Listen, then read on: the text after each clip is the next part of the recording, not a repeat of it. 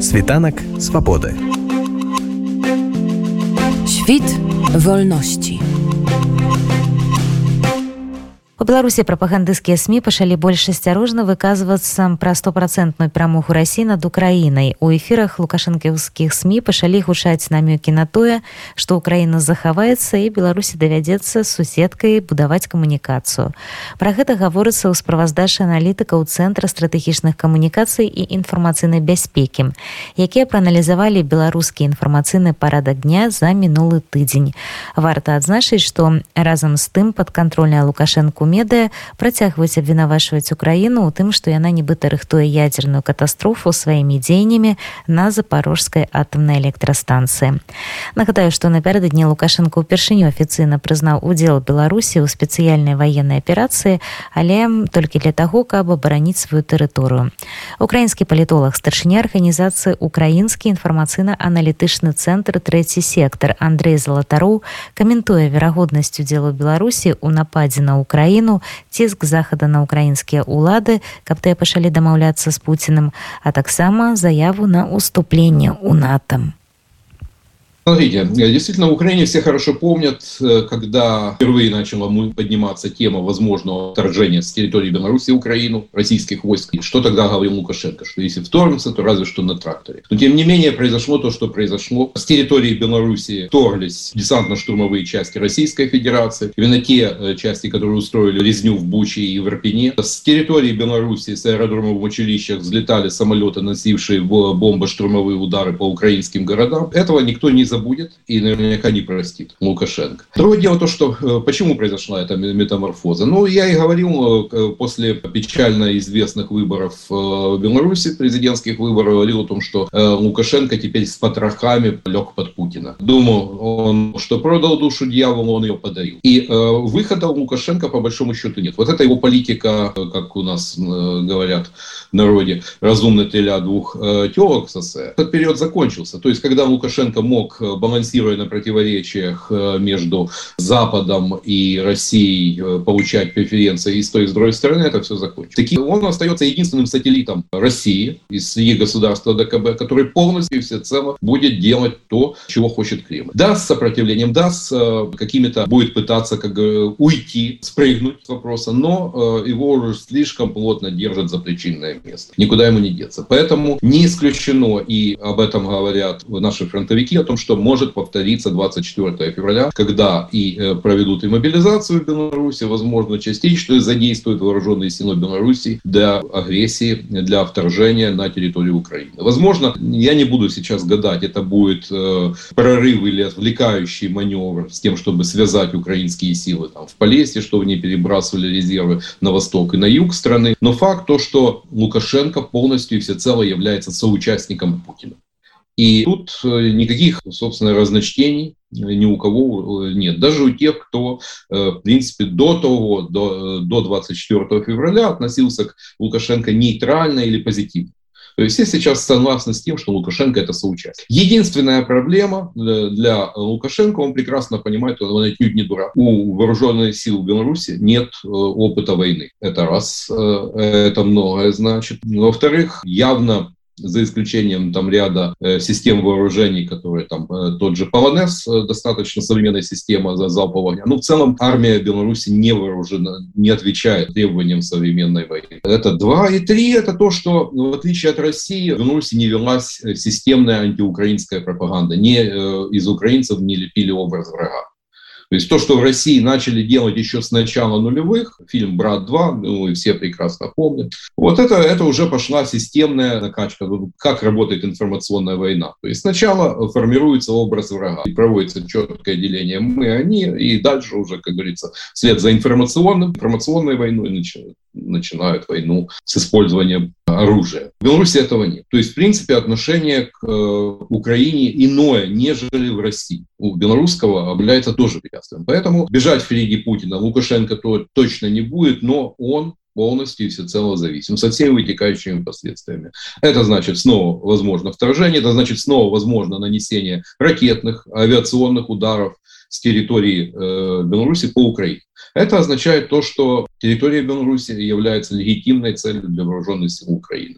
Пока Генштаб, ну, ведет такую сдержанную линию, явно не, не стремясь заполучить еще там, почти тысячу километров украино-белорусской границы, превратить ее в линию фронта. Но я думаю, что ноябрь, декабрь это может случиться, к сожалению. Насколько у таким выпадку пропорциональным будет отказ украинского боку, насколько Лукашенко и белорусы на себе адчуюць памылковасць гэтага рашэння пачаць ваяваць супраць Украины на баку России Ну я думаю э, экономически ну э, возьмите сейчас под по сути проблемы с экспортом белорусских удобрений того же кали то есть э, экономика как говорится на люди ощутят это на кармане. Но это не самое главное. Если Беларусь будет втянута в войну я думаю, гробы, похоронки станут для общества шоком. Это наиболее э, серьезный э, фактор. Понятно, что под удар может попасть и Мозель, Мозельский нефтеперерабатывающий завод, поскольку, ну, учитывая то, что если Беларусь э, полностью всецело уже, но если э, начнется вторжение, ну, вы, Украина вынуждена будет отвечать. И это белорусы ощутят. Тем не меньше, у медийной просторы Украины выказывается не просто стрымана, а апошнім часам нават э, просовывается таки нарратив, что Лукашенко войну все ж таки не ступит, что он усими силами намагается намагаецца гэтага не зрабіць робіць усё магчымае то ад яго залеж а не будзе так что зараз лукашенко даецца нейкі такі шанец некая нейкая такая палёгка каб уступіць з ім у нейкія перамовы скажем закрыць вочы на ўсё тое что ён рабіў дагэтуль Знаете, да, э, действительно такая ну, э, из разряда прикладной конспирологии версия гуляла о том, что ну, вот, э, неплохо было бы и, возможно, предпринимаются усилия с тем, чтобы оттянуть Лукашенко от Путина, предложить ему какой-то компромисс, выход. Ну, Лукашенко прекрасно понимает, что если Путин, не дай бог, победит в Украине, за ним очередь не станет. То есть его не, не то, что понизит с председателя колхоза до главного агронома, а отправится куда-нибудь в Абхазию на пенсию. А гауляйтером в Минске посадят кого-то более покладистого. Тот, кто э, не будет э, мешать формировать СССР 2.0 э, Кремлю. Такой компромисс после подавления протестов, он ну, трудно представить, ибо ну, окончательно Лукашенко мнение уже сформировано. Хотя с точки зрения большой стратегии, возможно, в этом и был бы смысл, поскольку это сразу же, если нейтралитет Беларуси, он очень много бы дал Украине в плане использования вооруженных сил, обеспечения безопасности логистических путей. Но, еще раз подчеркиваю, как говорил ныне запрещенный классик, есть логика намерений, и сила обстоятельств. И, как правило, сила обстоятельств, она оказывается сильнее логики намерений. Возможно, Лукашенко и мечтал бы отпетлять от э, соучастия, но деваться ему некуда он, э, еще раз подчеркиваю, он уже с потрохами под Путиным, то есть его слишком крепко держат. И здесь э, свободы маневра, которая была у него раньше, уже нет. Поэтому я э, смотрю реально, что Лукашенко, Путину критически важно тянуть Лукашенко в войну полностью и всецело. давайте зараз адыдзем ад беларускага пытання і я хочу вас спытаць наконт падтрымки міжнароднай з аднаго боку усебакова Украіну падтрымліваюць грашова і зброяй з другого боку раз пораз гучаць такія заклікі. Ну можа уже давайте спынемся так? Прыклад Ілана маска. Канешне Ілан маск там не палітык але ж ён лідар меркаванняў і ён прасоўвае таксама пэўныя наратывы. І гэта нібы прамацваюць рэакцыю Украіны на гэта. То бок з аднаго боку падтрымліваюць зброі і грошамі. Давайте воюйте давайте перамагайце Пуціна. З другога боку кажуць о глядзіце вы пачалі перамагаць Пуціна дык ён яшчэ зараз яшчэ больш разлуецца вайна стане больш крывавай наступствы больш цяжкімі і нават можа ён ужыве ядерную зброю. Можа вы спыніцеся украінцы зараз? Як вам бы вось гэтыя шалі? Что увогуле адбываецца Давайте начнем с э, Илона Маска. Э, к сожалению, у э, многих моих соотечественников ну, вот, немного искаженное представление о окружающей нас действительности. Вот украиноцентризм, он иногда приводит к тому, что люди думают, что Вселенная вращается вокруг Украины. Это очень большая ошибка. Они игнорируют то, что люди прежде всего исходят из своих собственных интересов. А Илон Маск – это прежде всего бизнесмен, который, ну, представьте себе, если не дай бог, даже тактически тактические ядерные удары ну, электромагнитный импульс может э, всю его вот спутниковую группировку Старлинка, ну, она может, э, попросту говоря, накрыть. Он думает как бизнесмен. И понятно, и э, те же э, германские промышленники, они тоже думают как бизнесмены, когда они лоббируют о том, что да, нужен мир э, даже за счет интересов и территории Украины. И такая позиция есть. И э, поддержка Запада, она, э, увы, ну, были очень сильные сигналы весной. Подписание закона Ленд-Лиза, который, по идее, должен начать работать вот с 1 октября. Рамштайн, когда э, ну, практически э, то же количество государств, которые было в антигитлеровской коалиции, э, собралось и заявило о поддержке Украины. Очень мощные заявления, но пока недостаточно серьезные действия. Ну, поскольку мир впервые столкнулся с континентальной войной на огромном театре военных действий. И большинство европейских стран оказались к этому банально не готовы. То есть у них э, ну, запас снарядов, допустим, тех же э, артиллерийских снарядов, которые э, на несколько недель. А именно как раз недостаток тяжелого вооружения ну, стал причиной гибели десятков тысяч украинских бойцов.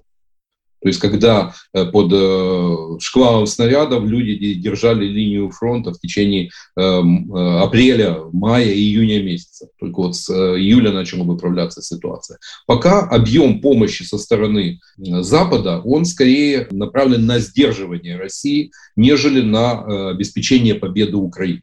И это очень хорошо заметно, особенно военно поскольку Украине не дают тяжелого вооружения. Танки в основном собирают советские, польские тверды Т-72, даже вот в Словении Т-55 модернизированный, но это абсолютно устаревшая все-таки техника. Даже те же бронетранспортеры, это тоже, но это не Брэдли, не Абрамсы, не Леопарды. Ракеты оперативно-тактического назначения Украине не поставляют, не поставляют авиацию. Только-только э, пойдет, начнут поступать системы ПВО.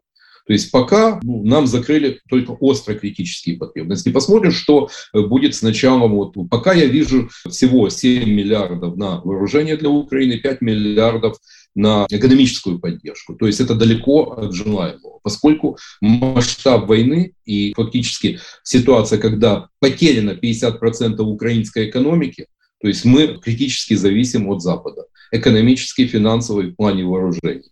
Поэтому, ну, э, по крайней мере, с этим надо считаться. Возвращаясь к Илону Маску, э, да, его позиция неприемлема для нас, не надо делать из этого трагедии. Э, Старлинг весомее для украинских бойцов, поскольку именно благодаря Старлингу обеспечивается связь в тех районах, где недоступна мобильная. Ну, те, кто побывал на линии фронта, это очень хорошо знают. Поэтому, еще раз говорю, Старлинг весомее. Запад, естественно, будут подталкивать, поскольку перспектива ядерной войны, все прекрасно понимают последствия. То есть, но, скорее всего, в ближайшие месяц-полтора, особенно, возможно, э, ближе к ноябрю, когда пройдут выборы в США, вот это давление, возможно, усилится. То есть, когда со всех сторон начнут давить, используя вот эти рычаги поставок вооружений, боеприпасов, финансовой помощи, садитесь и договаривайтесь. То есть явно ядерная война э, Западу не нужна. И Путин этим активно пользуется. Ведет себя как гопник из подворотни, как шантажист. В Украине после 24 февраля прекрасно понимают, что э, с ним можно разговаривать только э, с аргументами силы. Ну, когда-то так, такой подход исповедовал тот же Рональд Рейган. И это принесло свои результаты. Хотя, да, в начале 80-х э, мир был на грани ядерной войны. Градус э, накала этого противостояния был очень высок. Но потом как-то все разрешилось. К сожалению, этого не понимают многие западные политики. Потому что Путин не отстанет. И э, если он добьется своего в Украине, то следующим может оказаться э, Прибалтика, следующим может оказаться Польша. И как знать. Поэтому то, что предлагает Запад, оно приведет лишь к перемирию но не прекращению войны. Только военная победа над Путиным способна поставить точку э, в этом противостоянии. Заява Украины на уступ НАТО. Это больше такие медыйны ход спосаб такого больш псіхалагічнага ўздзеяння на Россию ці гэта ўсё ж таки мае под сабой некія практычныя подставы і ёсць шанец что нато прыме да сябе Украину знаете, ну, вы почти ответили на вопрос, 50 на 50. Факт того, что это был э, ход в информационной войне, это подтвердил Михаил Подоляк. Заметно было то, что какова цель. Ну, наверное, перебить вот этот информационный повод шоу Балагана в Кремле с подписанием договоров, ну, с аннексией. Но здесь есть и практический элемент. Поскольку свое, как говорится, план действий членства НАТО Украина написала на поле боя.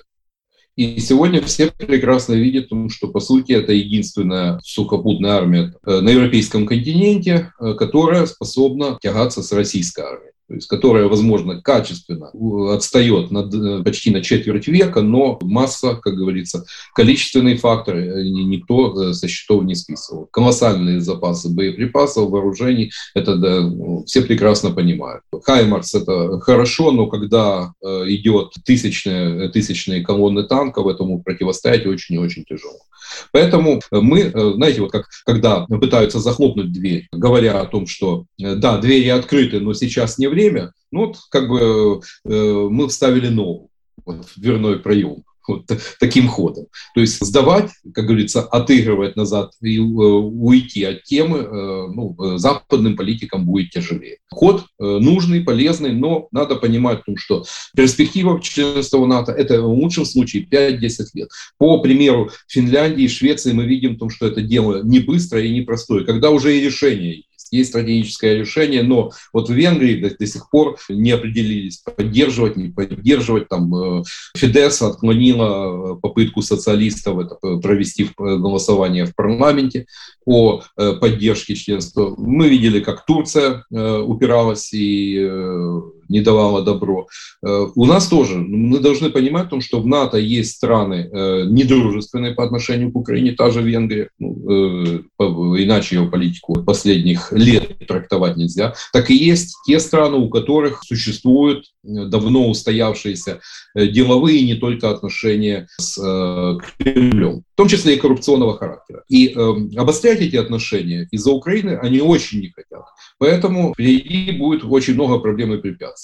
Но э, надо делать вот такие э, вещи, чтобы все-таки, э, во-первых, это будет позитивно сказываться на поддержке со стороны НАТО, в том числе материально-техническое обучение украинских военных. Ну, мы сегодня видим в Британии, в Германии, ну, то есть те вопросы, по сути, после 24 февраля, то, что не решалось годами, точнее десятилетиями, за считанные я имею в виду э, э, поставки вооружения, обучение украинских военнослужащих, поддержка разведывательной информации. Ну, а это очень высокий уровень партнерства. Поэтому еще раз подчеркиваю, ну, рука не поднимется бросить камень в офис президента за то, что они обратились, ну, вышли с таким заявлением. Ход правильный. Світанок свободы. Świt wolności.